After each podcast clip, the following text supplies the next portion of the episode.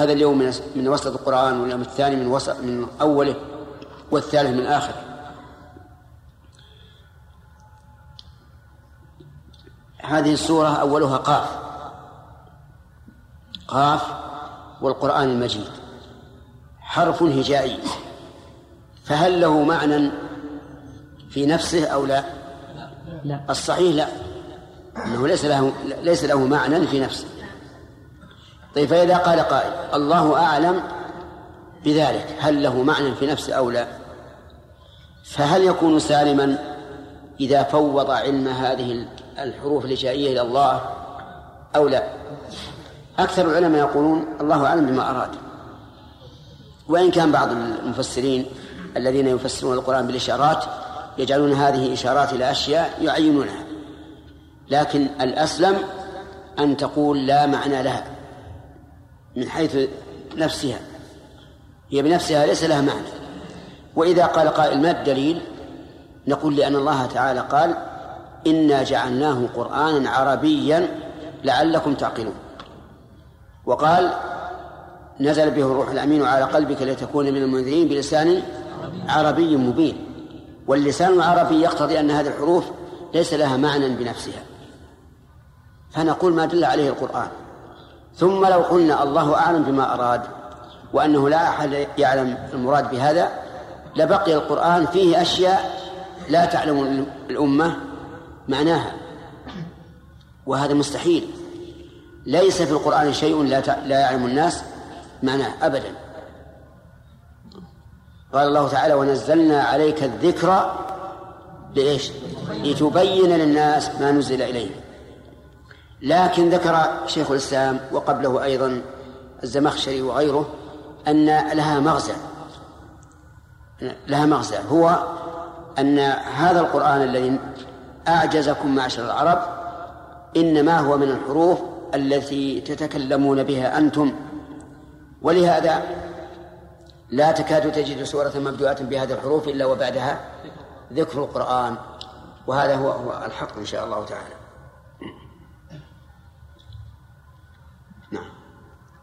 قولكم أحسن الله إليكم أن أنه ليس في القرآن شيء لا تعلمه الأمة. معناه لا تعلم؟ معناه. أي نعم. نعم. وقول الله تعالى على إحدى القراءتين هو الذي أنزل عليك الكتاب منه آيات محكمات هن أم الكتاب وأخر متشابهات. فأما الذين في قلوبهم زيغ فيتبعون ما تشابه منه ابتغاء الفتنة وابتغاء تأويله وما يعلم تأويله إلا الله. نعم. ما يعلم تأويله إلا الله. صح. والراسخون في العلم يقولون آمنا به كل من عند ربنا. صحيح. أي نعم. فهذا يدل على أن في القرآن ما لا يعلمه الأمة تعلمه الأمة بمجموعها. هذه الآية بارك الله فيك للسلف فيها قراءتان القراءة الأولى الوقف على قوله وما أعلم تأويله إلا الله. وبناء على هذه هذه القراءة يكون المراد بالتأويل العاقبة المجهولة وهي حقائق ما أخبر الله به عن نفسه وعن اليوم الآخر. لأن التأويل في القرآن هذا هو المراد به. كما قال الله تعالى فردوه إلى الله والرسول إن كنتم تؤمنون بالله واليوم الآخر ذلك خير وأحسن تأويلا. أما القراءة الثانية لبعض السلف فهي الوصل وما يعلم تأويله إلا الله والراسخون في العلم. فيكون الراسخون في العلم يعلمون تأويله. ولهذا جاء عن ابن عباس رضي الله عنهما قوله أنا من الراسخين في العلم الذين يعلمون تأويله وقال مجاهد قرأت القرآن على عبد الله بن عباس مرتين أقفه عند كل آية وأسأله عن معناها. نعم. واضح؟ لكن واضح أحسن الله عليك. لكن يظل الإشكال قائم على إحدى القراءتين. كيف؟ أقول يظل الإشكال قائم على إحدى القراءتين. لا لا قراءة قراءة الوقف ما هو ما في إشكال. لأن التأويل معناه العاقبة وحقيقة الأشياء. فمثلا نحن نعرف أن الله استوى على العرش معناها على. هذا المعنى. نعم. لكن هل نعلم حقيقة هذا الاستواء وكيفيته؟ لا. ما نعلم. هذا ما علمه الله. هذا من المتشابه. ولهذا لو سألك سائل هل آيات الصفات من المتشابه؟ تقول لا. لا في التفصيل. نعم. إن أردت التشابه المعنوي فليست منه. وإن أردت التشابه الحقيقة التي عليها فهي منها. لأنه لا أحد يعلم كيفية يد الله عز وجل كيفية وجهه كيفية استوائه كيفية نزوله. نعم. نعم سليم. أكبر موعظة عند الصحابة رضي الله عنهم وأرضاهم القرآن. ويعظمون أكثر من يعظمون غيره. وهذا يعظم ان شاء الله بكل كل زمان ولكن إن اللي غيرهم اللي بعدهم ما سمعت عن تعظيمهم مثل القرآن من تعظيمهم. هم ولكن ما أدري يا شيخ هو يعود على أنهم عرب يعرفون معاني القرآن ولا إخلاصهم ولا ولا الإخلاص معهم للقران ومحبتهم للقران أكثر من محبه هي أسباب كثيرة. منها أنهم يعرفون لغة القرآن. لأنه نزل بلغتهم وفي عصرهم وفي الحوادث الواقعة كلها تكون تفسيرا للقرآن إذا كانت فيها سبب النزول. وثانيا إيمانهم بالله عز وجل وإخلاصهم له لأن الإيمان يزيد الإنسان معرفة في كتاب الله عز وجل. وثالثا محبتهم للقرآن. حتى كانوا لا يتجاوزون عشر آيات إلا هم إلا تعلموا معناها. ورابعا أن الصحابة رضي الله عنهم يعملون بما علموا. وكل إنسان يعمل بما علم فإن الله يورثه علم ما لم يكن عالما به من قبل. فهمت؟ نعم.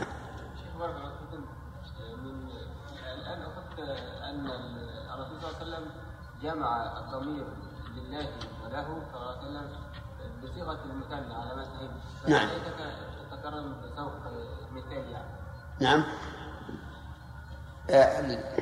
لا يحضرني الآن لا يحضرني الآن لكن هو وارد لا, لا شك فيه. نعم. الله شيخ ورد فيما سبق أن الرسول صلى الله عليه وسلم خطبته كانت قصدا وصلاته قصدا. نعم. كيف الجمع وبينها؟ يعني ليست تطويلا. ليست معنى متقاربة لا لا. قصدا بالنسبة للخطبة التقصير. وبالنسبة للصلاة التطويل على حسب ما جاءت به السنة. يعني يفسر كل قصد بحسبه لأن القصد ليس معناه التقصير أو التطويل. القصد معناها أن يكون متوسطا بين ما يطلب وما لا يطلب. نعم. في صلاة الجمعة. لا بأس بها. هذه فيها خلاف. من العلماء من يقول إن من شروط صحة الخطبة قراءة قراءة آية من كتاب الله. ومنهم من يقول ليس بشرط. المهم خطبة تحيي القلوب وتوقظ القلوب وتنفع العباد. لكن لا بد أن يكون فيها حمد لله عز وجل وثناء عليه وتشهد. نعم. عبد الحميد خمسة؟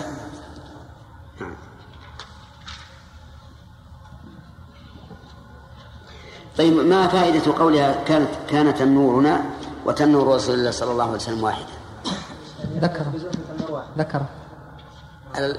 الحكمة من هذا أنها كانت كان عندها علم بأحوال النبي عليه الصلاة والسلام وأنها ضابطة ما قالت.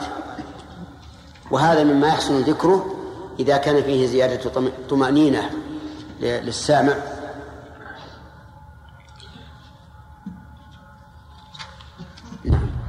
وحدثنا أبو بكر بن أبي شيبة قال حدثنا عبد الله بن إدريس عن حسين عن عمارة بن رؤيبة أنه عن عمارة بن رؤيبة قال رأى بشر بن مروان على المنبر رافعا يديه فقال قبح الله هاتين اليدين لقد رأيت رسول الله صلى الله عليه وسلم ما يزيد على أن يقول بيده هكذا. وأشار بأصبعه المسبحة. بشر بن مروان كان أميرا على المدينة وكان في ذلك الوقت الأمراء هم الذين يتولون الخطبة والصلاة. فجعل يخطب وجعل يشير بيديه رافعا يديه يد في الدعاء فدعا عليه. وهذا يحتمل أنه دعا عليه علنا. ويحتمل أنه حدث به قومه بعد ذلك. والثاني أقرب. والأول قد يسعفه تسلط بني أمية في ذلك الوقت على الناس وتعسف وتعسفهم عليهم وأن قلوبهم مملوءة على بني أمية. فلا يبعد أن يقول ذلك علنا أمام الناس. وفيه دليل على أن الخطيب إذا دعا يشير بأصبعه إشارة إلى إيش؟ إلى علو الله عز وجل. ولهذا نظير وهو ما إذا دعا الإنسان في التشهد فإنه يرفع أصبعه إشارة إلى علو الله عز وجل. وكذلك على ما نرى إذا دعا بين السجدتين فإنه يرفع أصبعه عند الدعاء إشارة إلى علو الله سبحانه وتعالى. إلا أنه يستثنى في الخطبة إذا دعا لاستسقاء أو استصحاء. فقد ثبت عن النبي صلى الله عليه وسلم أنه رفع أصبعه أنه رفع يديه وكذلك الناس رفعوا أيديهم معه. فهذا مستثنى. نعم. إذا دعا الإمام بعد إجابة المؤذن أن يشير بأصبعه أم يرفع يديه؟ لا. لا لا لا يشير ولا يرفع. الظاهر إنه ليس مشروعا الرفع. لأن ما ما رأينا أحدا يفعله. نعم. هل يعتبر رفع رفع يد الامام ضابطا يعني للناس المستمعين إذا رفع يده ودعا اي نعم. إذا رفع الإمام يده يرفع يدي يرفعون أيديهم إلا إذا كان مبتدعا. كما في قصه كما في هذا الحديث بشر بن مروان عبد الحميد. شيخ بارك الله فيكم أليس في قصة في هذه القصة؟ على الاحتمالين الذين احتملناهما لهذا القائل. ما يخالف قول النبي صلى الله عليه وسلم الذي رواه ابن أبي عاصم في السنة بالسند الصحيح قال من أراد أن ينصح لذي سلطان فلا يبدي له عنانيه وإنما يأخذ بيده وينصح فإن استجاب فبها وإلا فقد أدى الذي عليه. أو كما قال. اي نعم. هذا هذا يؤيد أنه قاله متحدثا إلى قومه. لا لا. لأنه هذا هو الاحتمال اللي قلنا إنه قال متحدث إلى قومه مو علنا. ولكن كما قلنا لكم حال بني أمية بالنسبة للناس قد تحمل الناس أن يقولوا هكذا. لا سيما وأنه قال قبح الله هاتين وهاتين اسم إشارة. هذا يعني وجدنا له رخصة أو كيف؟ يعني ما فهمت. هل هذا يعني استساق هذه قضية عين قضية عين ربما انك ربما كان هذا الرجل مملوءا قلبه على بني أمية وأمرائهم. فأراد أن أن يعني يبين للناس أخطاءهم. علنا. وإلا فلا شك أن نصيحة ولي الأمر سرا أحسن وأنفع. نعم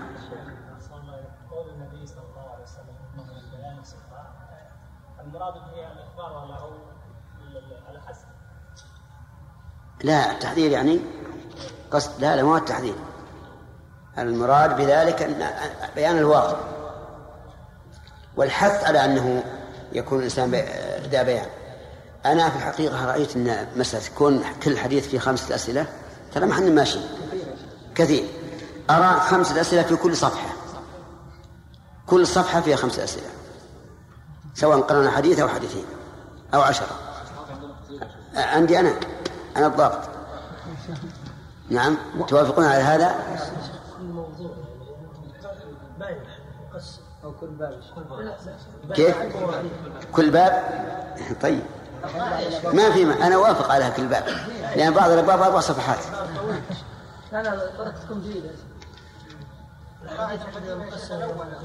خمسة سنة والثانية على ثلاثة ثلاثة ترجع ثلاثة أحسن ها؟ ترجع على ثلاثة أحسن طيب حتى على ثلاثة يعني كل ما إذا إذا قرن حديث إلا إذا كانت على ثلاثة في كل موضوع.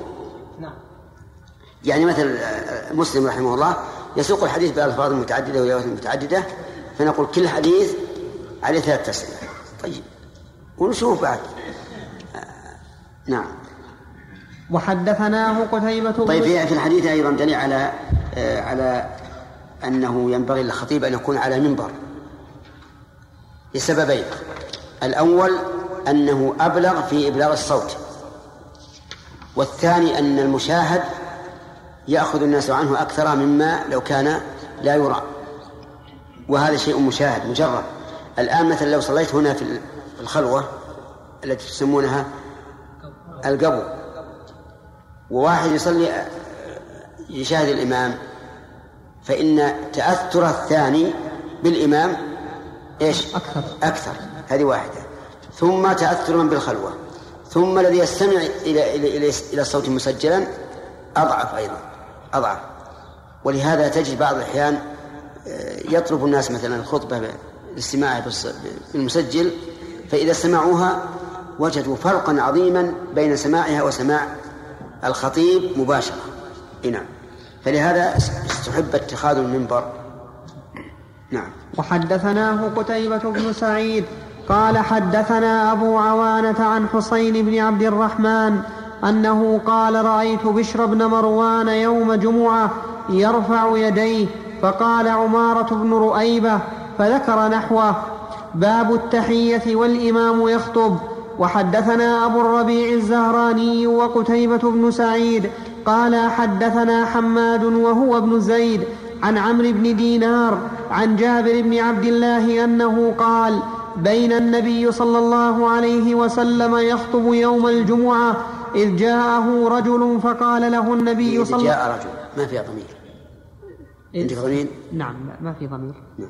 إذ جاء رجل فقال له النبي صلى الله عليه وسلم أصليت يا فلان؟ قال لا. قال قم فاركع. حدثنا أبو بكر بن أبي شيبة ويعقوب الدورقي عن ابن علية عن أيوب عن عمرو عن جابر عن النبي صلى الله عليه وسلم كما قال حماد ولم يذكر الركعتين وحدثنا قتيبة بن سعيد وإسحاق بن إبراهيم قال قتيبة حدثنا غريب قوله ولم يذكر ركعتين ها؟ في, في اللفظ الأول إيه. قال قم فاركع ركعتين. عندك كذا؟ إيه. من المخطوطة؟ إيه. شو يقول؟ يقول قم فصل ركعتين. قال وفي رواية قم فصل لا قال قم فاركع. وفي رواية قم فصل ركعتين. وفي رواية صل ركعتين. وفي رواية أركعت ركعتين. قال لا. والإشكال يقول هو لم يذكر ركعتين. مع أنه لم يتقدم له ما ذكر. وهو ما سبق له ذكر. لكن لعل النسخة الصحيحة أن فيها فرق ركعتين. ها؟ في الأول. اللفظ الأول. نسخة.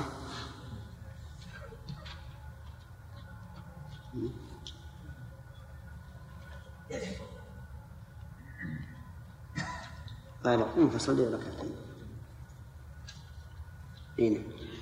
لعلها هي صحيحة عشان الإحالة عليها.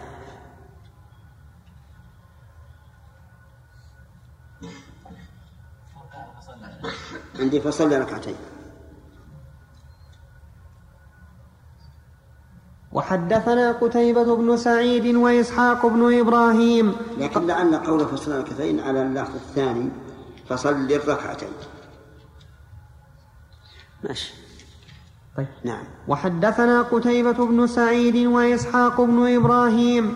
قال قتيبة حدثنا وقال إسحاق أخبرنا سفيان عن عمرو أن عن عمرو أنه سمع جابر بن عبد الله يقول دخل رجل المسجد ورسول الله صلى الله عليه وسلم يخطب يوم الجمعة فقال أصليت؟ قال لا. قال قم فصل الركعتين. وفي رواية قتيبة قال صل ركعتين. وحدثني محمد بن رافع وعبد بن حميد. قال ابن رافع حدثنا عبد الرزاق. قال أخبرنا ابن جريج. قال أخبرني عمرو بن دينار أنه سمع جابر بن عبد الله يقول جاء رجل والنبي صلى الله عليه وسلم على المنبر يوم الجمعة يخطب فقال له أركعت ركعتين؟ قال لا. قال فاركع.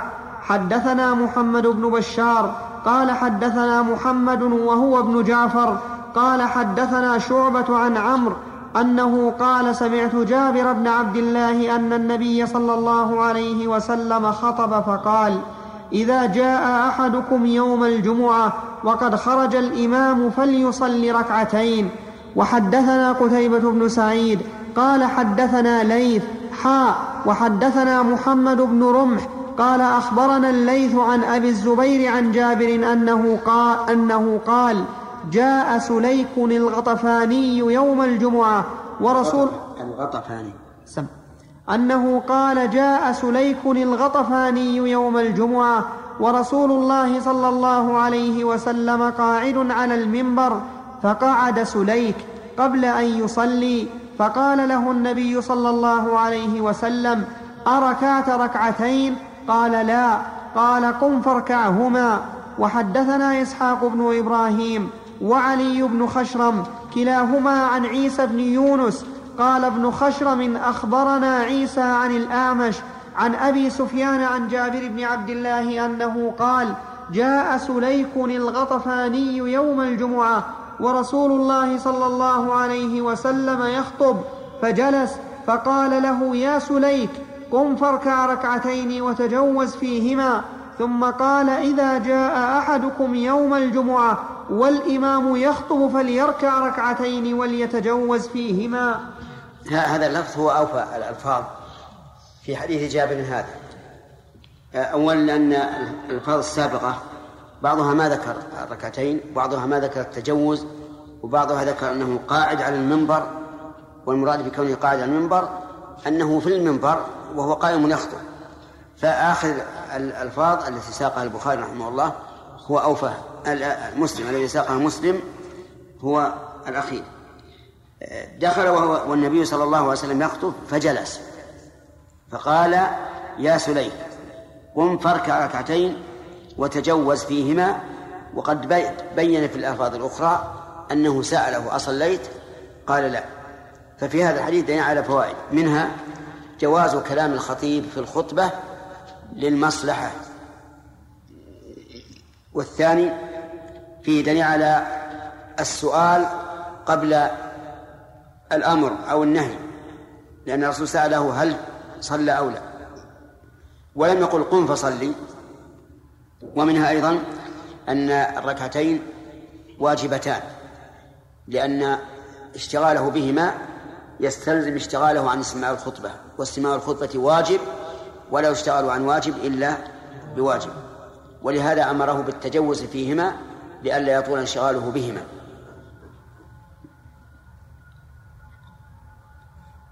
ومنها أن السنة قد تأتي بالتجوز التجوز في الصلاة دون التطويل. ولنعد الآن ما يشرع التجوز فيه من النوافل. هذه واحدة. تحية المسجد إذا دخل والإمام يخطب. إيش؟ سنة الفجر. نعم. هكذا الفجر. لا. الضحى ما ما يسن فيها. الركعتين اللتين يفتتح بهما صلاة الليل. نعم. الركعتان اللتين يفتتح بهما صلاة الليل. نعم. ركعة الطواف.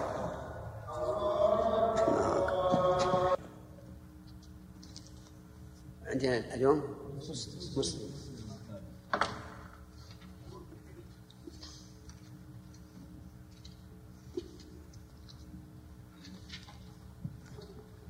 بسم الله. بسم الله الرحمن الرحيم. الحمد لله رب العالمين. وصلى الله وسلم وبارك على عبده ورسوله نبينا محمد وعلى آله وأصحابه أجمعين. أما بعد. فقد قال الإمام مسلم رحمه الله تعالى في صحيحه في كتاب الجمعة باب حديث التعليم في الخطبة. وحدثنا شيبان بن فروخ قال حدثنا سليمان بن المغيرة قال حدثنا حميد بن هلال قال قال أبو رفاعة انتهيت إلى النبي صلى الله عليه وسلم وهو يخطب. قال فقلت يا رسول الله رجل غريب جاء يسأل عن دينه لا يدري ما دينه لا يدري ما دينه. قال فأقبل علي رسول الله صلى الله عليه وسلم وترك خطبته حتى انتهى إلي فأتي بكرسي حسبت قوائمه حديدا.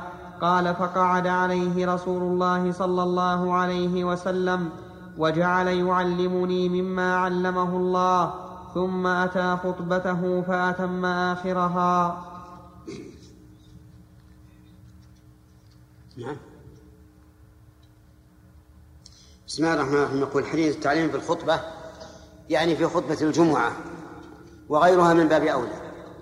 وقد سبق أن النبي صلى الله عليه وسلم رأى رجلا دخل المسجد فجلس ولم يصلي فقال له أصليت؟ قال لا. قال قم فصل ركعتين. وتجوز فيهما وهذا من التعليم. هذا جمع بين التعليم وبين الأمر بالمعروف. لأن النبي صلى الله عليه وسلم علمه وأمره. وأما حديث أبي رفاعة فإنه رجل غريب. جاء والنبي صلى الله عليه وسلم يخطب ولم يبين هل هذا في خطبة الجمعة أو في غيرها. وظاهر السياق أنه ليس في خطبة الجمعة لأن النبي صلى الله عليه وسلم ترك الخطبة وأقبل إلى الرجل وأتي إليه بكرسي وجلس عليه وجعل يعلمه وكل هذا لا يمكن عادة في خطبة الجمعة فالظاهر أنه في غيرها. يقول قلت يا رسول الله رجل غريب جاء يسأل عن دينه لا, لا يدري ما دينه. غريب يعني ليس من أهل البلد. يسأل عن دينه ما هو؟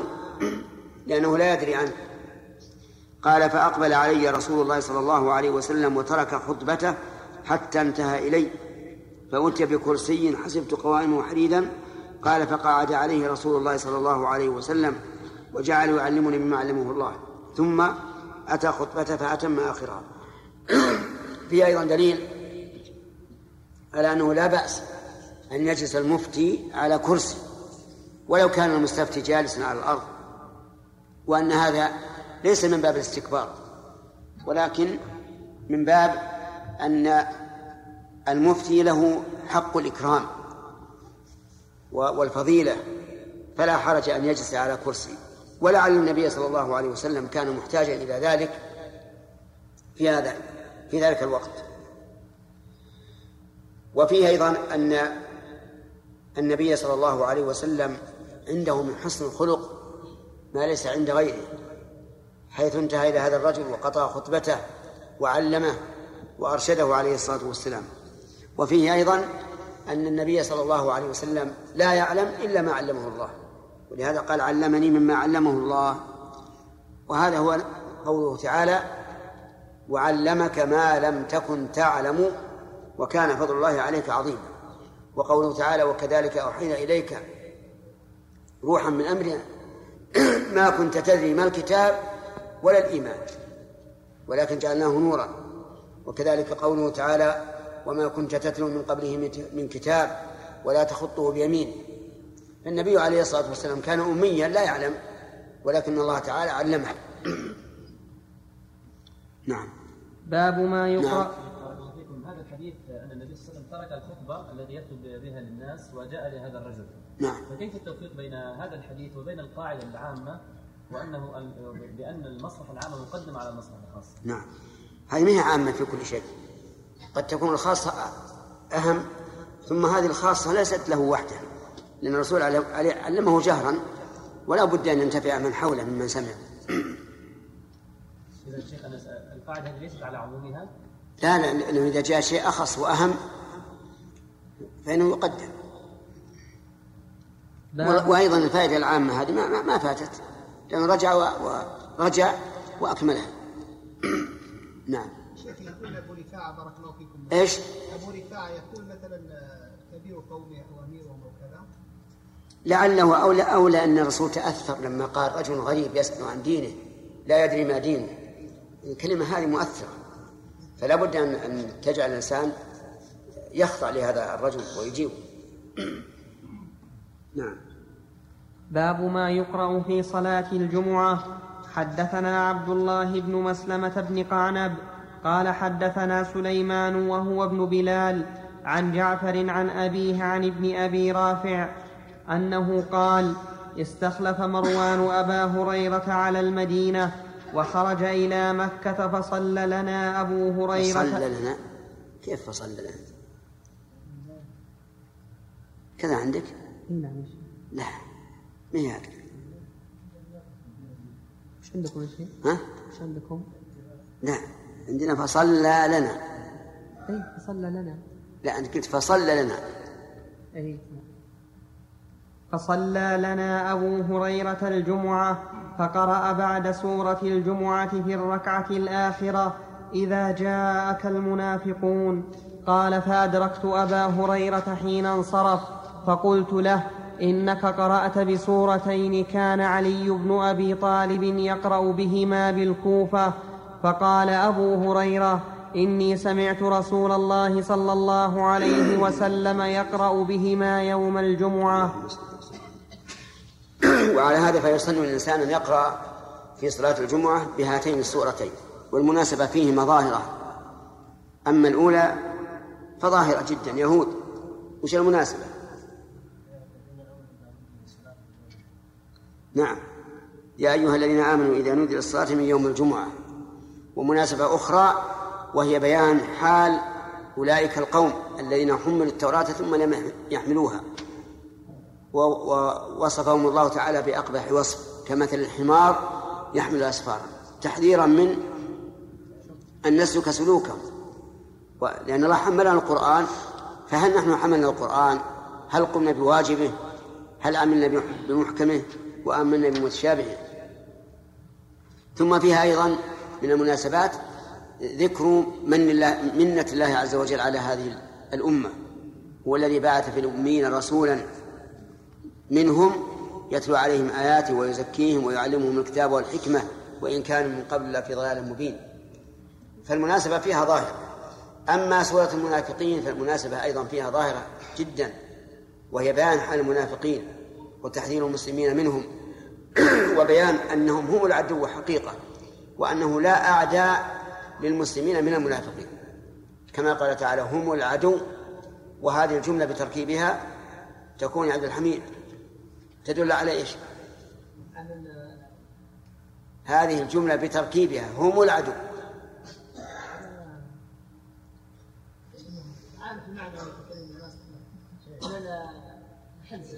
إيش؟ الحصر. الحصر؟ حباءه كمان نعم. يعني هم العدو حقيقة. العدو لأن إذا كانت طرف الجملة معرفتين دلت على الحصر. يعني هم العدو حقيقة. لأن المنافقين يظهرون أنهم مسلمون متمسكون بالإسلام فيخادعون الله والذين آمنوا ولا يمكن التحرز منهم. رجل يعمل كما تعمل يقوم بالصلاة والصدقة وغير ذلك ويبش بوجهك ويقول أنا أخوك. ما لا يمكن التحرز منه وهو في الباطن عدو. لكن اليهودي والنصراني والبوذي والوثني إيش؟ يمكن يمكن التحرز منه ظاهر. الإنسان يعرفه. ولهذا قال هم العدو فاحذرهم. وفي قصة المنافقين ليس المراد أن نعلم أخبارهم فقط. المراد يا إخواني بارك الله فيكم أن نحذر من أعمالهم أن نحذر من أعمالهم. أما مجرد أن نقرأ كتاريخ لهم هذا لا يفيد شيئا. لا بد أن نحذر أعاذنا الله وإياكم من النفاق. عمله عمليه وعقديه. وعلى هذا فمن السنة أن يقرأ الإنسان بهما يوم الجمعة. فإن قال قائل أرأيت لو كان الحر شديدا والناس في غم لا مكيفات ولا براد فهل يسن أو لا؟ نقول أرأيتم مسجد الرسول عليه الصلاة والسلام؟ أفيه مكيفات؟ لا. سقفه من من عريش. الشمس ربما تكون تسقط فيه ومع ذلك كان يقرأ بها بهما. مع أنه في المدينة والمدينة حار. تعتبر من البلاد الحارة ولكن إذا علمنا الفرق بين حال الناس اليوم وحال الصحابة قد نقول إننا لو قرأنا بهما في مثل هذه الحال ربما يكون على الناس مشقة. لا تأذن بطول القراءة بل مشقة.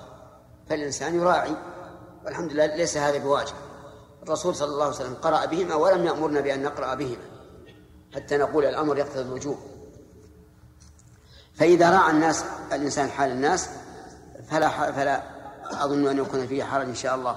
وكذلك لو كان برد شديد في يوم الجمعة والناس الذين تقدموا ربما يكونون قد أصابهم البرد وآذاهم وربما احتاجوا إلى قضاء الحاجة وما أشبه ذلك الإنسان العاقل يراعي الأمور. أما الأذية الخفيفة فهذا لا لا تعتبر. لا تعتبر. نحن الآن في هذا العصر ولله الحمد والمنة لدينا مكيفات. وفي الشتاء لدينا مدفيات يعني المكيف على كيف؟ في أيام الحر يكون باردا وفي أيام البرد يكون حارا والحمد لله. الأمر ميسر. فلا ينبغي لأئمة الجوامع أن يدعوا هذه السنة لأن فلانا يقول طوت علينا وطوت علينا. ما طولنا عليكم. ما ما كان الرسول عليه الصلاة والسلام يفعله فإنه ليس ليس بطويل. قال أنس رضي الله عنه ما صليت وراء إمام قط. أخف صلاة ولا أتم صلاة من النبي صلى الله عليه وسلم. أرأيتم لو آه، قسمها نصفين الجمعة في الركعتين؟ لم يأتي بالسنة بل مخالف للسنة. نقول إما أن تقرأها في الركعة الأولى وفي الثانية المنافقين وإلا فاقرأ صور أخرى. أما أن تشطر السنة تشطيرا فهذا لا, لا توافق عليه. نعم. كثير من الناس يعتدون على الأئمة يعودون على الصلاة السريعة وكذا فإذا جاء من يحيي بهم السنة ولا يكون فيه مشقة من جو أو أحوال في الوضع المعتاد له نعم. شق عليهم وكثير منهم من يترك صلاة الجماعة وراء خلف هذا الإمام ويطعن فيه وكذا فهل هذا مبرر لأن يخفف بهم تخفيف يعني يخالف به سنة الرسول صلى الله عليه وسلم أم إنه يطبق سنة النبي صلى الله عليه وسلم ولا يبالي بمن ترك الصلاة وراءه؟ إيه، نقول طبق السنة. لكن إن رأيت مثلا أنك تفعل هذا بالتدريج تطول مثلا شوي شوي فهذا طيب. وإلا فأنت مأمور بتطبيق السنة. وإذا تخلف أحد عن الجماعة فليس له عذر. أما تخلف الرجل عن صلاته وراء معاذ فهذا لعذر. يعني معاذ رضي الله عنه كما في بعض الروايات قرأ شرع في سورة البقرة. وهذا تطويل. سليم. بعض الناس يتحرى أهل العلم يقول ننصح الناس ما ننصح ويتحرى بس الشيء هو يعلق على على المشايخ الشيخ هذا هذا يا شيخ يكون من النفاق والله لا شك أن المنافقين من صفاتهم أنهم يلمزون المتطوعين من المؤمنين في الصدقات. آه، إذا أكثر الإنسان من الصدقة قالوا هذا مرائي. وإن أقل قالوا إن الله غني عن صاع فلان. كل إنسان يلمس على الخير والصلاح فاعلم أن في قلبه نفاقا نعم. شيخ أصلا في الجمع بين قول النبي صلى الله عليه وسلم من أما الناس فليخفف وقراءته يعني صلى الله عليه وسلم ببعض الصور الطويلة في صلواته أن السن أن أن نحمل قول النبي صلى الله عليه وسلم من صلى بالناس فليخفف على عمله صلى الله عليه وسلم. فيكون مثلا إذا قرأ الإنسان بالطور في المغرب فإنه خفف. لكن شيخ ماذا لو قال إنسان هذا من سنة النبي صلى الله عليه وسلم القولية وهو قوله فليخفف وذلك من سنته الفعلية فالقول مقدم على الفعل سؤال. نقول الجواب من وجهين. أولا أن قول أن قوله إذا أما أحدكم الناس فليخفف ورد على سبب معين. فمعنى فليخفف عما صنع هذا الرجل. كقوله لما رأى رجلا قد ظلل عليه ورأى زحاما حوله وهو صائم. قال ليس من البر الصيام في السفر. فهذا ليس على إطلاقه بل ليس من البر الصيام في السفر الذي يؤدي إلى إلى هذا الحال. وعلى هذا فنقول إذا أما أحدكم الناس فليخفف يعني بناء على تثقيل هذا الرجل. نعم. نعم. أما الوجه الثاني فنقول إن أنس بن مالك رضي الله عنه قال ما صليت وراء إمام قط أخف صلاة ولا أتم صلاة من النبي صلى الله عليه وسلم. نعم. وحدثنا قتيبة بن سعيد وأبو بكر وأبو بكر بن أبي شيبة قال حدثنا حاتم بن إسماعيل حا وحدثنا قتيبة قال حدثنا عبد العزيز يعني الدراوردي كلاهما عن جعفر عن أبيه عن عبيد الله بن أبي رافع أنه قال استخلف مروان أبا هريرة بمثله غير أن في رواية حاتم فقرأ بسورة الجمعة في السجدة الأولى وفي الآخرة إذا جاءك المنافقون ورواية عبد العزيز مثل حديث سليمان بن بلال. هنا أطلق نعم.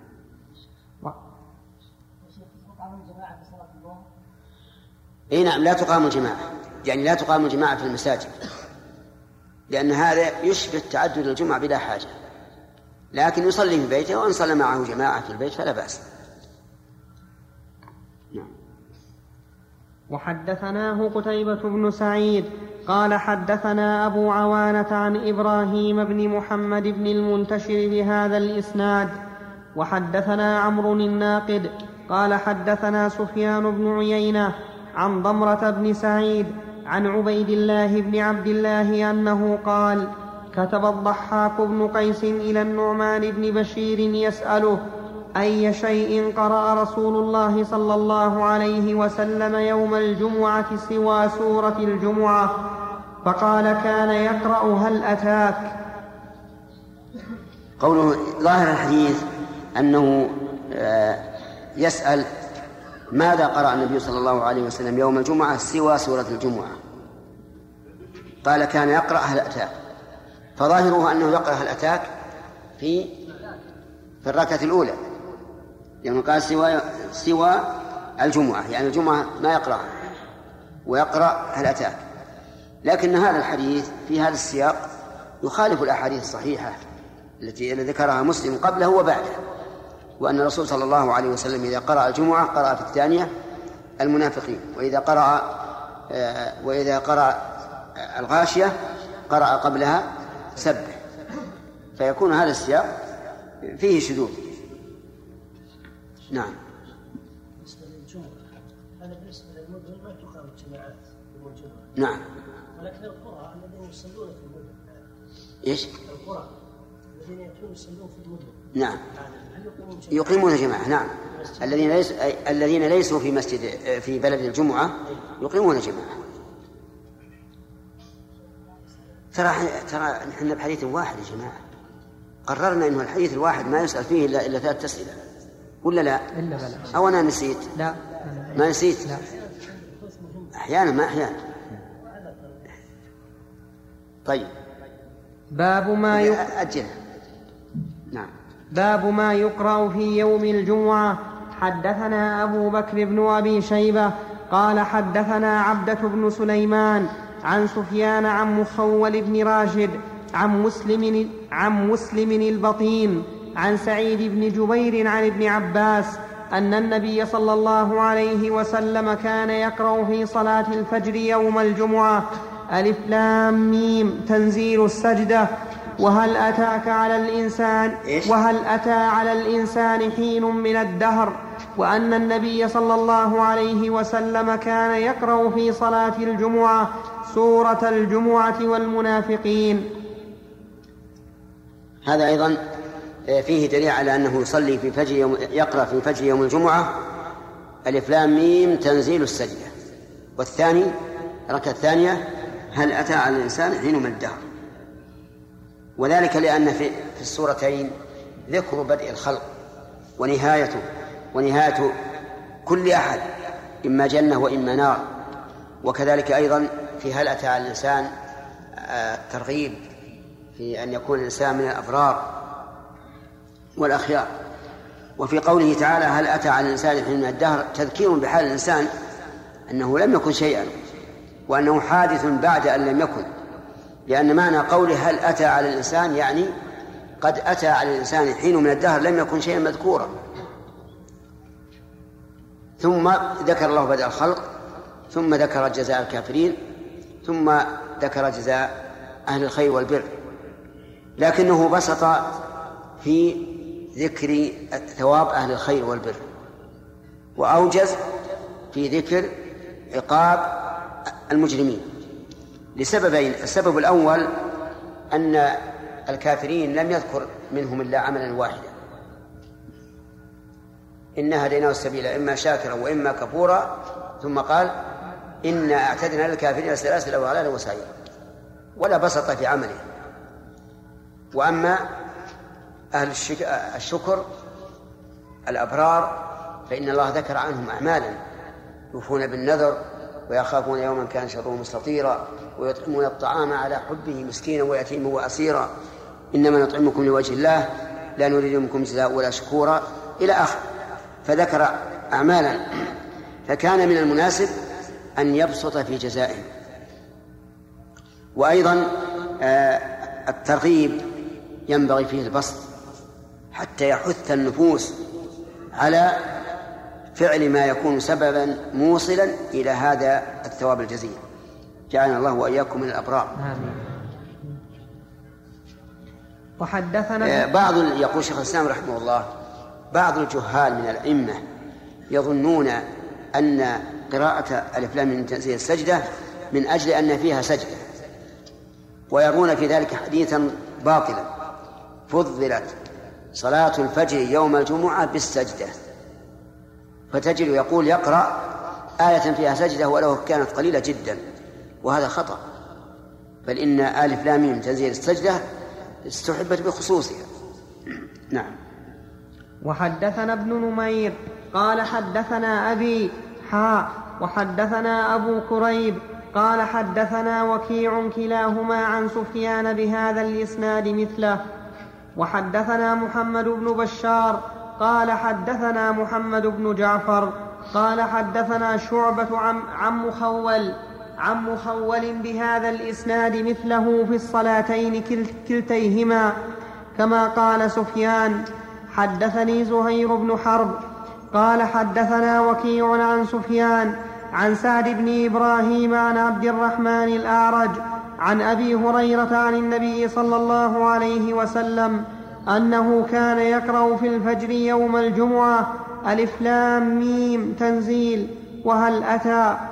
حدثني أبو الطاهر قال حدثنا ابن وهب عن إبراهيم بن سعد عن أبيه عن الأعرج عن أبي هريرة أن النبي صلى الله عليه وسلم كان يقرأ في الصبح يوم الجمعة بألف لام ميم تنزيل في الركعة الأولى وفي الثانية هل أتى على الإنسان حين من الدهر لم يكن شيئا مذكورا إذا صح قراءة ألف لام ميم تنزيل السجدة وهل أتى عن ابن عباس وعن من؟ وعن أبي هريرة رضي الله عنه. نعم.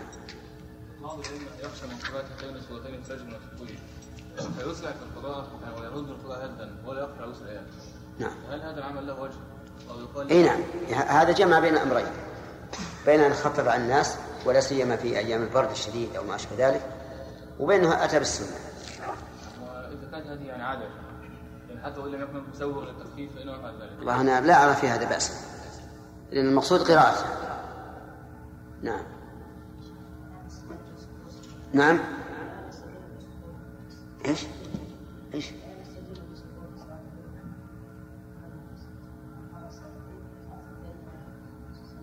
إيش؟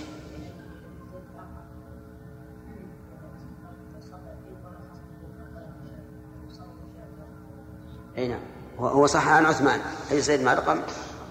ليس ليس بذلك. نعم. بارك الله فيكم. بعض الأئمة في بعض البلاد يداوم على أن يقرأ قبل قبل آية السجدة آيات وبعدها آيات. آه، قبلها آيات ثم يسجد السجدة وبعدها آيات. وفي الركعة الثانية أيضا يطبع آيات من من هل أتى على الإنسان. يعني معناه معناه أنه ما يقرأ كاملة لا, يقرأه كاملة ذكرنا هذا مع مخالفته للسنة فهل يسلم من من أن يكون يعني وقع في بدعة؟ بلى. مبتدعا يكون يتحرى السجدة فقط. نعم. باب الصلاة بعد الجمعة. وحدثنا يحيى بن يحيى قال أخبرنا خالد بن عبد الله عن سهيل عن أبيه عن أبي هريرة أنه قال قال رسول الله صلى الله عليه وسلم إذا صلى أحدكم الجمعة فليصل بعدها أربعا وحدثنا أبو بكر بن أبي شيبة وعمر الناقد قال حدثنا عبد الله بن إدريس عن سهيل عن أبيه عن أبي هريرة أنه قال قال رسول الله صلى الله عليه وسلم إذا صليتم بعد الجمعة فصلوا اربعا زاد عمرو في روايته قال ابن إدريس قال سهيل فإن عجل بك شيء فصل ركعتين في المسجد وركعتين إذا رجعت.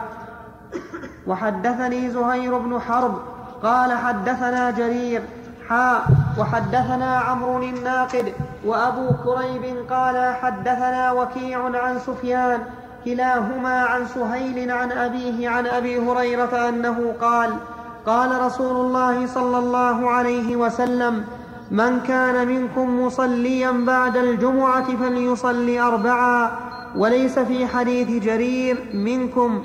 وحدثنا يحيى بن يحيى ومحمد بن رمح قال أخبرنا الليث حاء وحدثنا قتيبة قال حدثنا ليث عن نافع عن عبد الله أنه كان إذا صلى الجمعة انصرف فصلى سجدتين في بيته ثم قال ك فسجد سجدتين نعم أنه كان إذا صلى الجمعة انصرف فسجد سجدتين في بيته ثم قال كان رسول الله صلى الله عليه وسلم يصنع ذلك. وحدثنا يحيى بن يحيى قال قرأت على مالك عن نافع عن عبد الله بن عمر أنه وصف تطوع صلاة رسول الله صلى الله عليه وسلم. قال فكان لا يصلي بعد الجمعة حتى ينصرف فيصلي ركعتين في بيته. قال يحيى أظنني قرأت فيصلي أو البتة. حدثنا أبو بكر بن أبي شيبة وزهير بن حرب وابن نمير. هذه أحاديث في الصلاة بعد الجمعة. أولا لنعلم أن الجمعة ليس ليس لها سنة راتبة قبلها وإنما إذا تقدم إنسان قبل مجيء الإمام صلى ما شاء الله بغير حد إلى أن يأتي وقت آه وقت النهي قبيل الزوال ثم يمسك. ورخص بعضهم في يوم الجمعة خاصة أن يصلي الإنسان من حين أن يأتي إلى أن يحضر الإمام. لكن الأول أولى أي أنه يصلي إلى أن يأتي وقت النهي لعموم الأدلة. هذا قبل الجمعة. أما بعدها فالأحاديث فيها قولية وفعلية. أما الفعلية فكان النبي صلى الله عليه وسلم يصلي بعد الجمعة ركعتين في بيته. ولم يرد عنه أنه صلاها في المسجد. وقال إذا صلى أحدكم الجمعة أو من أراد أن يصلي فليصلي بعدها أربعا. فهنا تعارض فيما يظهر القول والفعل. لأننا إذا نظرنا إلى قوله فليصلي بعدها أربعا وجدنا أنه عام في البيت وإيش؟ وفي المسجد. وإذا نظرنا إلى فعله إذا هو يصلي ركعتين فقط. فهل نأخذ بالقول وندع الفعل ونقول إن قوله مقدم على فعله أو نأخذ بهما جميعا ونقول صل ستا أربعا بالقول وركعتين بالفعل. أو ماذا؟ العلماء رحمهم الله اختلفوا في هذه المسألة. منهم من قال أقل السنة بعد الجمعة ركعتان أخذا بإيش؟ بالفعل. وأكثرها ست جمعا بين القول والفعل. ومنهم من قال نأخذ بالقول. لأن الرسول قال صل فليصلي بعدها أربعة ولم يفرق بين أن يصليها في المسجد أو أن يصليها في بيته فنحن نصلي أربعا كما أمرنا. ومنهم من فصل كشيخ الإسلام ابن تيمية رحمه الله قال أما أمر الرسول عليه الصلاة والسلام فمراده إذا صلى ذلك في المسجد وأما إذا صلى في بيته فليصلي ركعتين. لأن النبي صلى الله عليه وسلم لن يأمر بأمر ثم يخالف. بدون سبب ظاهر. وأما كونه يأمر بالصلاة أربعا بعد الجمعة فلئلا يظن الظان أنه إذا صلى ركعتين فقط تكون ركعتان تكميلا لصلاة الجمعة حتى تكون أربعا كالظهر. ولهذا أمر الإنسان أن لا يصل الركعتين بصلاة الجمعة. لئلا يظن أنهما تكملة. والذي يظهر لي والله أعلم أن القول بأن بأن يصلي أربعا سواء في البيت أو في المسجد هو الأولى. أخذا بأمر النبي صلى الله عليه وسلم فليصلي بعدها أربعة. وأنه إذا اقتصر على اثنتين أحيانا اقتداء بالسنة الفعلية فلا بأس. يعني يحصل على هذا وهذا.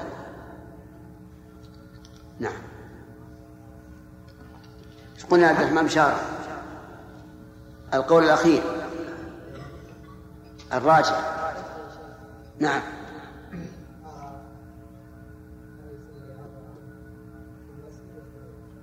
نعم. فلا حرج. فنرجو أنه أتى بالسنة.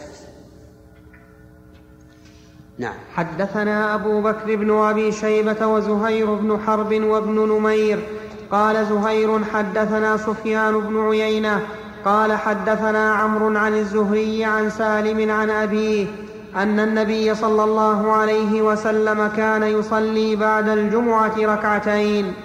حدثنا أبو بكر بن أبي شيبة قال حدثنا غندر عن ابن جريج قال أخبرني عمر بن عطاء عمر بن عطاء بن أبي الخوار أن نافع بن جبير أرسله إلى السائب ابن أخت نمر يسأله عن شيء رآه منه معاوية في الصلاة فقال نعم صليت معه الجمعة في المقصورة فلما سلم الإمام قمت في مقامي فصليت فلما دخل أرسل إلي فقال لا تعد لما فعلت إذا صليت الجمعة فلا تصلها بصلاة حتى تكلم أو تخرج فإن رسول الله صلى الله عليه وسلم أمرنا بذلك ألا توصل صلاة بصلاة حتى نتكلم أو نخرج. وحدثنا هارون بن عبد الله قال حدثنا حجاج بن محمد قال قال ابن جريج أخبرني عمر بن عطاء أن نافع بن جبير أرسله إلى السائب بن يزيد ابن أخت نمر وساق الحديث بمثله غير أنه قال فلما سلم قمت في مقامي ولم يذكر الإمام. في هذا دليل على أن الإنسان لا يصل صلاة بصلاة حتى يتكلم والمراد صلاة فريضة بصلاة نافلة. أما صلوات النوافل فقد كان النبي صلى الله عليه وسلم يصلي من الليل ركعتين ركعتين لا يفصل بينهما. لكن فريضة مع نافلة لا لا توصل بل لابد من التفريق. وفيه دليل على جواز أخذ الحذر وأن الإنسان ينبغي له أن يأخذ حذره وحتى يسلم من الشر. وذلك أن معاوية رضي الله عنه لما حصل ما حصل من الخوارج من قتل من قتلوا بنى لنفسه مقصورة عند المسجد أو في المسجد وصار يصلي فيها. وأقره عليه الناس لأن هذا من باب اتخاذ الحيطة. ونتكلم على بقية الفوائد إن شاء الله بعد الأذان.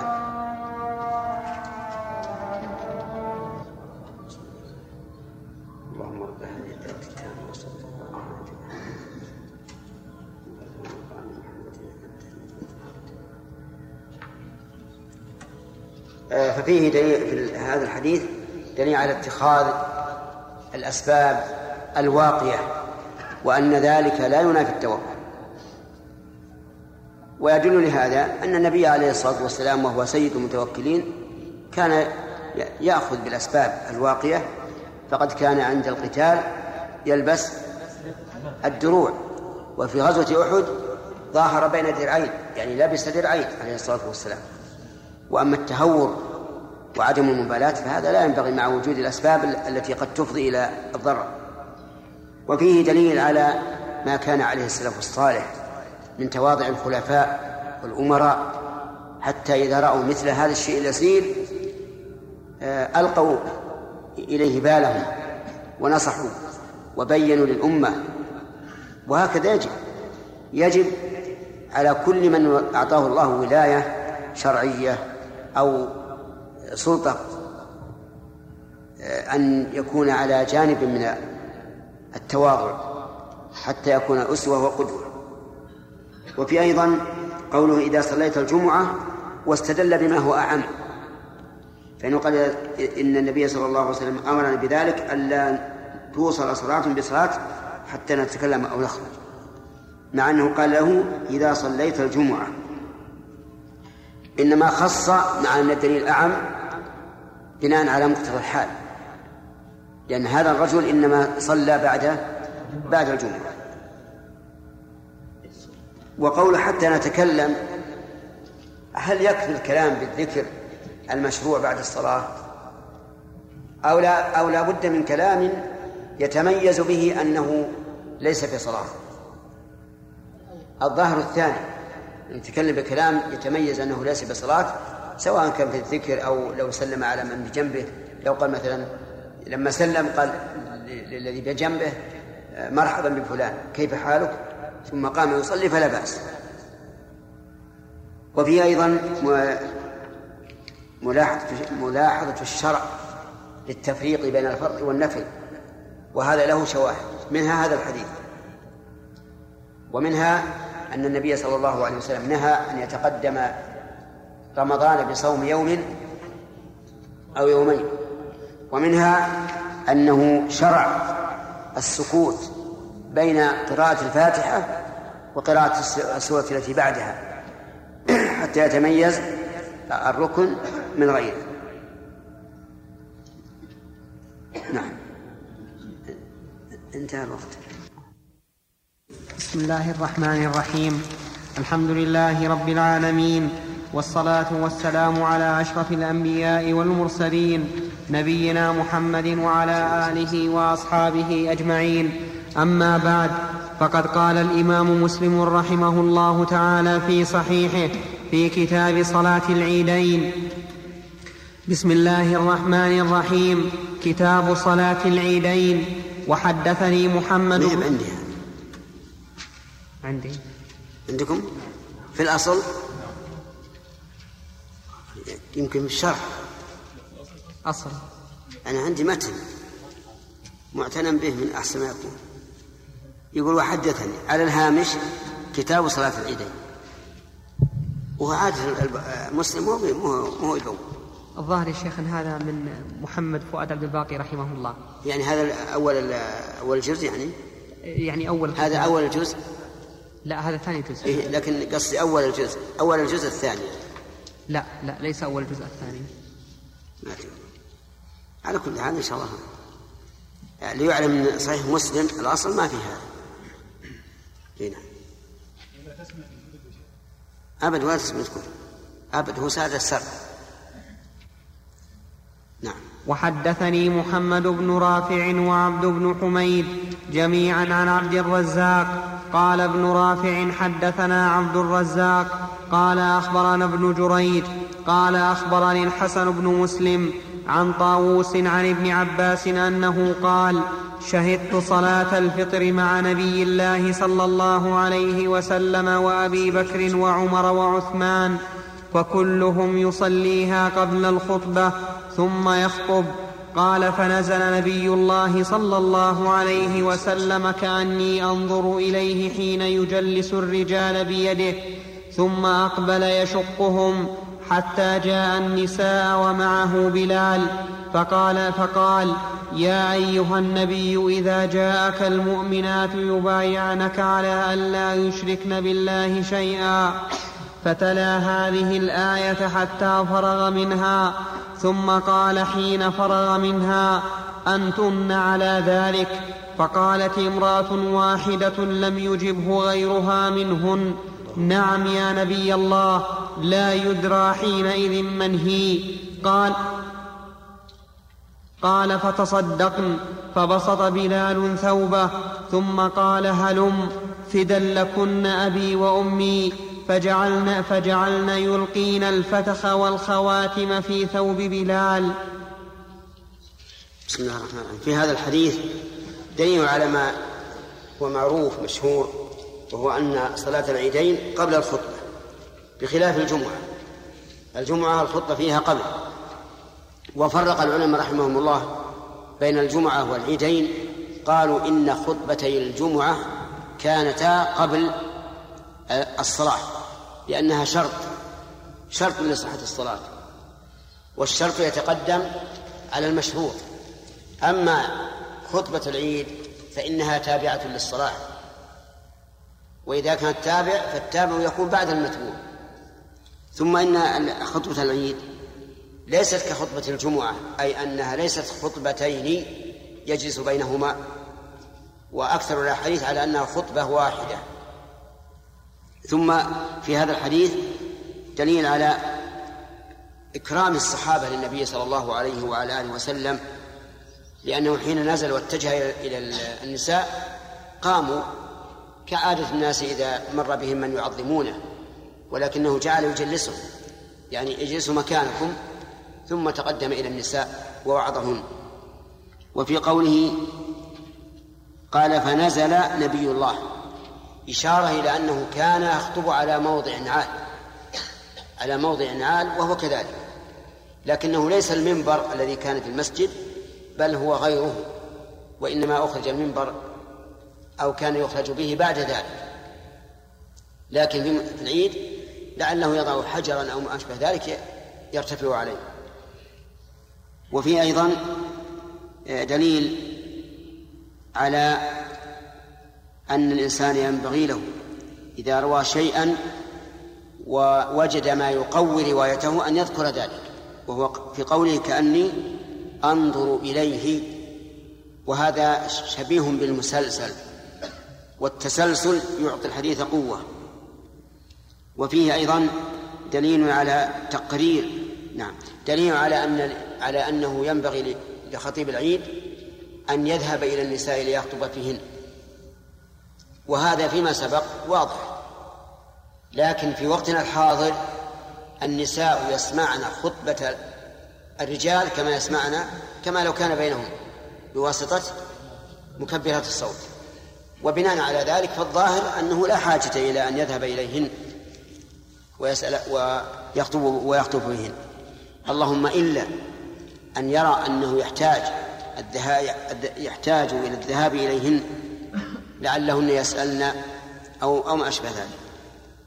وفيه تقرير النبي صلى الله عليه وسلم لهذه الآية. يا أيها النبي إذا جاءك المؤمنات يبايعنك. قرر النساء هل هن على ذلك أو لا. فأجبنا بأنهن على ذلك. على أن لا يشركن بالله شيئا. ولا يسرقن ولا يزنين ولا يقتلن أولادهن. ولا يأتين ببهتان يفترينه بين أيديهن وأرجلهن. ولا يعصينك في معروف فبايعهن واستغفر لهن الله. قول لا يعصينك في معروف هذا القيد ليس له مفهوم. لماذا تخطيت الرقاب يا أخي؟ أقول لماذا تخطيت الرقاب؟ وجدت ذلك أسهل طريق حتى لا أضيق من الخلف. كيف؟ أقول وجدت هذا الطريق هو أسهل طريق حتى لا أضيق على من الخلف. لكن هذا مكانه من قبل؟ نعم. آه قوله لا يعصينك في معروف ليس له مفهوم. يعني أن الرسول قد يأمر بغير المعروف. لكن هذا بيان للواقع وأنه لا يأمر صلى الله صلوات الله وسلامه عليه إلا بمعروف. لا يأمر إلا بمعروف. كقوله يا أيها الذين آمنوا استجيبوا لله وللرسول إذا دعاكم لما يحييكم. ومعلوم أنه لا يدعو الناس إلا لما فيه خيرهم وحياتهم. فبايعهن واستغفر لهن الله إن الله غفور رحيم. أنتن على قال أنتن على ذلك إلى آخره.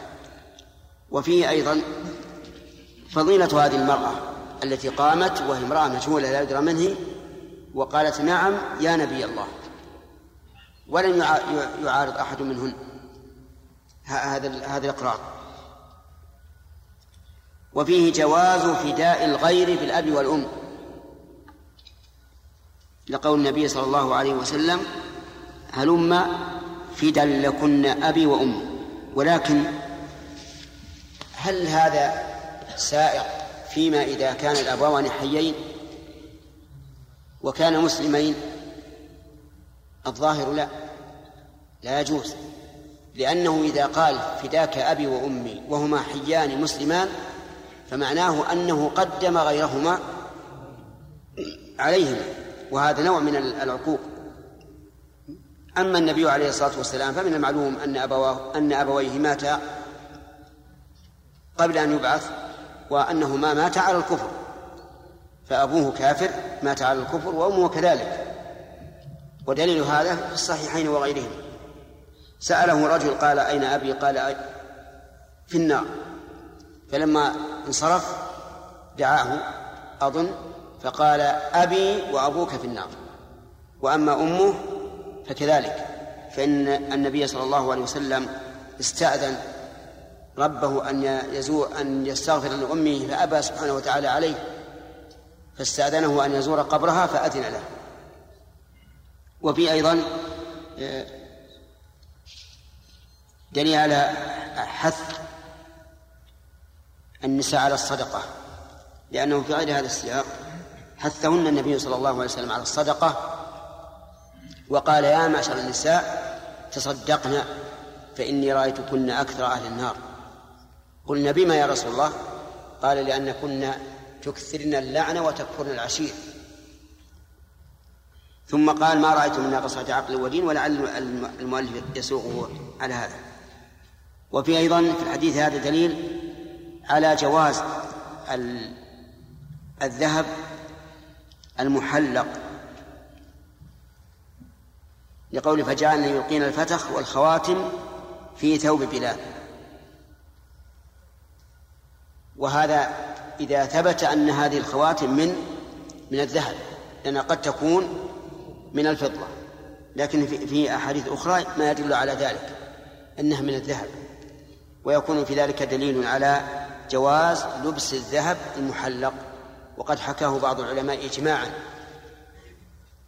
وحكم شيخنا عبد العزيز بن باز وفقه الله على شذوذ الأحاديث الواردة في النهي عن لبس المحلق.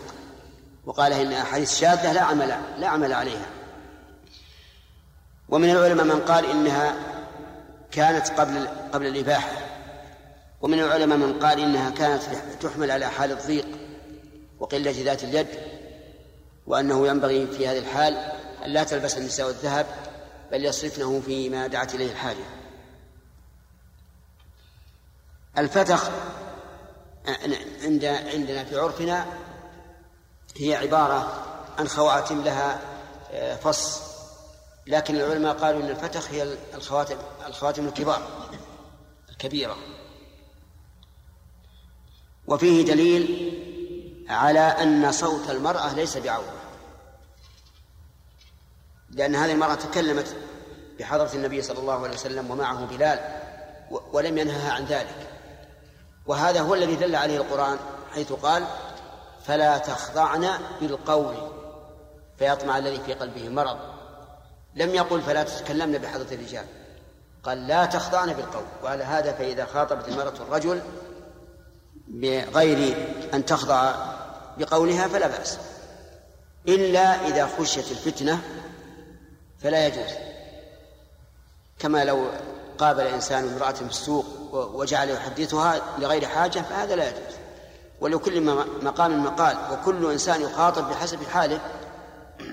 امرأة أوقفت شخصا تستفتيه في حكم مسألة من المسائل.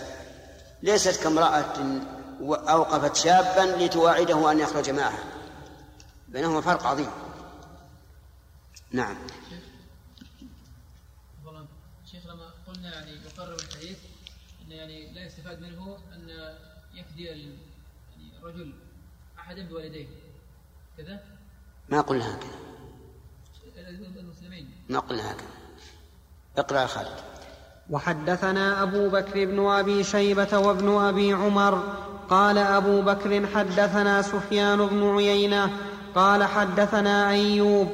قال سمعت عطاء. قال سمعت ابن عباس يقول أشهد على رسول الله صلى الله عليه وسلم لصلى قبل الخطبة قال ثم خطب فرأى أنه لم يسمع النساء فأتاهن فذكرهن ووعظهن وأمرهن بالصدقة وبلال قائل بثوبه فجعلت المرأة تلقي الخاتم والخرص والشيء وحدثني هذا مما يدل على ما أشرنا إليه أن تخصيص النساء بالخطبة فيما إذا كنا لا يسمع. أما إذا كنا يسمعنا كما هو في الحال في كما هو الحال اليوم فلا حاجة. ولهذا قال فرأى أنه لم يسمع النساء.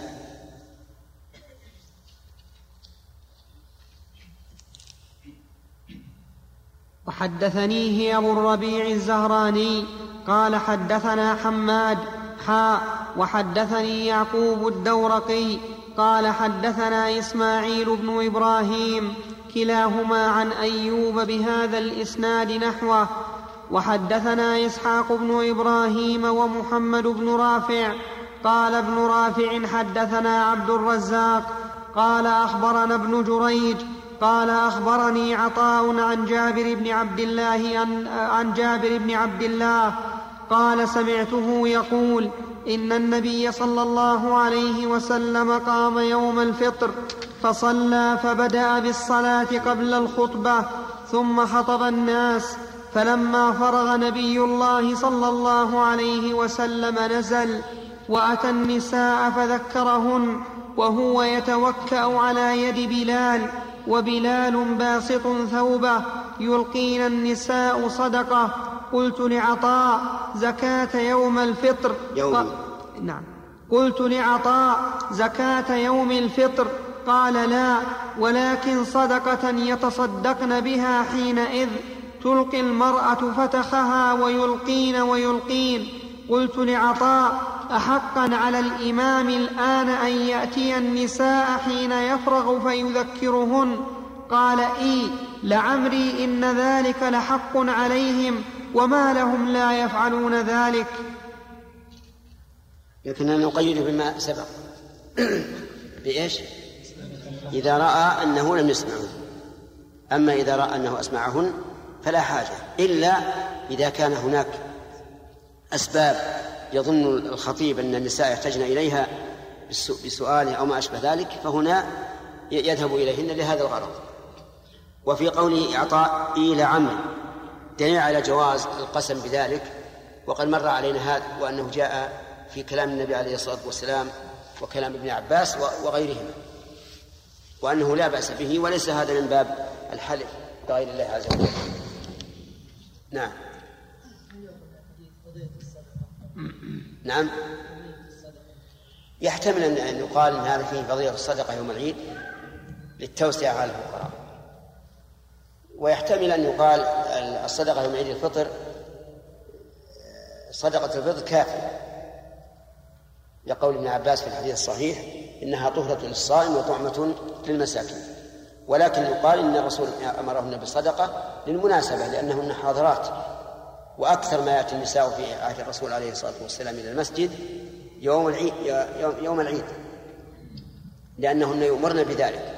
حتى العواتق والحيض يؤمرن بذلك إلا أن الحائض تعتزل المصلى نعم شيخ بارك الله فيكم الآن في هذا العصر بدأت مسألة أن أبوي النبي صلى الله عليه وسلم في الجنة بدأ يثيرها بعض بعض المبتدعة في هذا العصر. نعم. وإذا احتجينا عنهم بالأحاديث الثابتة عن النبي صلى الله عليه وسلم قال هذه أحاديث لا تثبت لأنها معارضة للقرآن. أين القرآن؟ وقالوا قوله تعالى وما كنا معذبين حتى نبعث رسولا. نعم. وابوي النبي صلى الله عليه وسلم هم من أهل الفترة لم يبعث إليهم رسول. نعم. بدليل قوله تعالى في في سورة ياسين مخطئ قوله تعالى وما أرسلنا إليهم قبلك من نذير نعم فهاتين بمجموع هاتين الآيتين يردون جميع الأحاديث الثابتة عنه صلى الله عليه وسلم فيما نعم. ورد نقول هذا هذا من قلة فقهه ومن تلبيساته لأن العموم يجوز تخصيصه اتفاق أهل الفقه وهذه العموم ما كنا معذبين حتى نبعث رسولا ولتنذر قوما ما أتاهم من نذير من قبلك وما أشبهها. بيان أنه ليس بين عيسى وبين وبين محمد رسول وأن محمد عليه الصلاة والسلام هو الرسول الوحيد من من العرب. هذا هو المراد.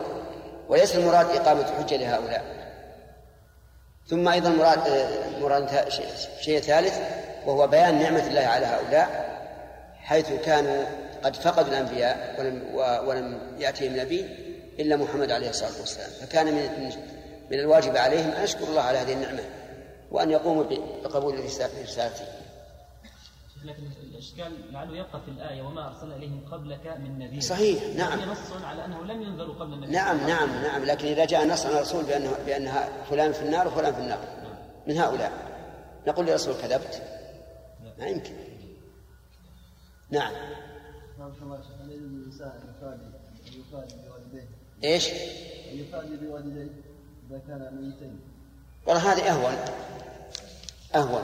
ما لم يتوهم أحد أنه يقصد أنه لو كان حيين ل- ل- لفدياه وذلك لأنهما بعد الموت ليس حيين حتى نقول يقدم هذا عليهما.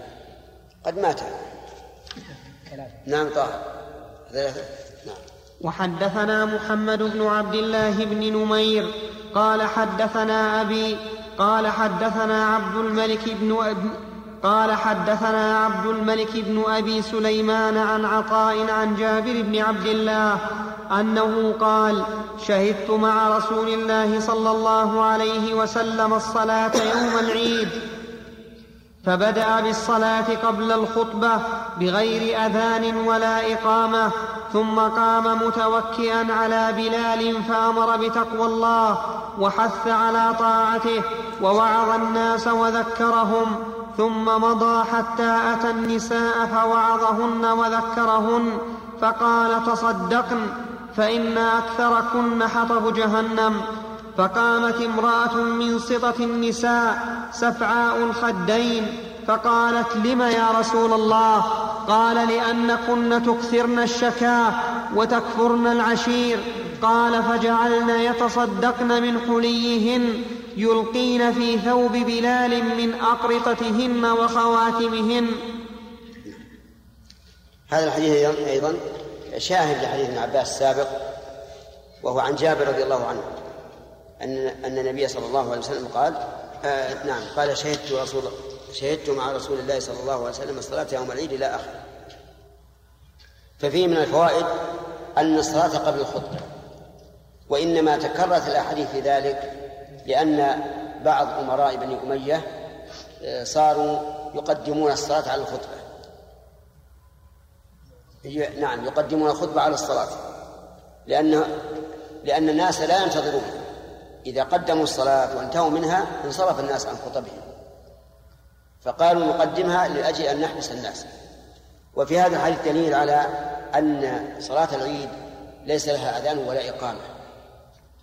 لقول بغير أذان ولا إقامة.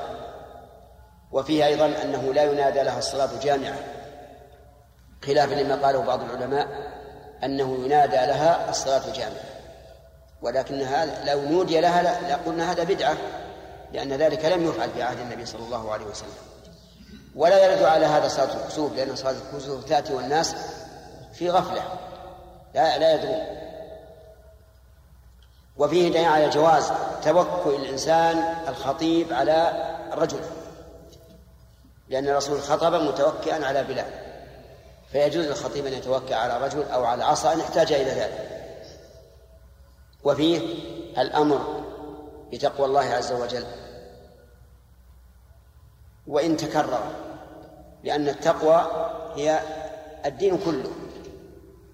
وفيه أيضا حث الناس مع الأمر على طاعة الله ووعظهم وتذكيرهم. وفيه أيضا ما سبق من أن الرسول كان يأتي إلى النساء فيعظهن.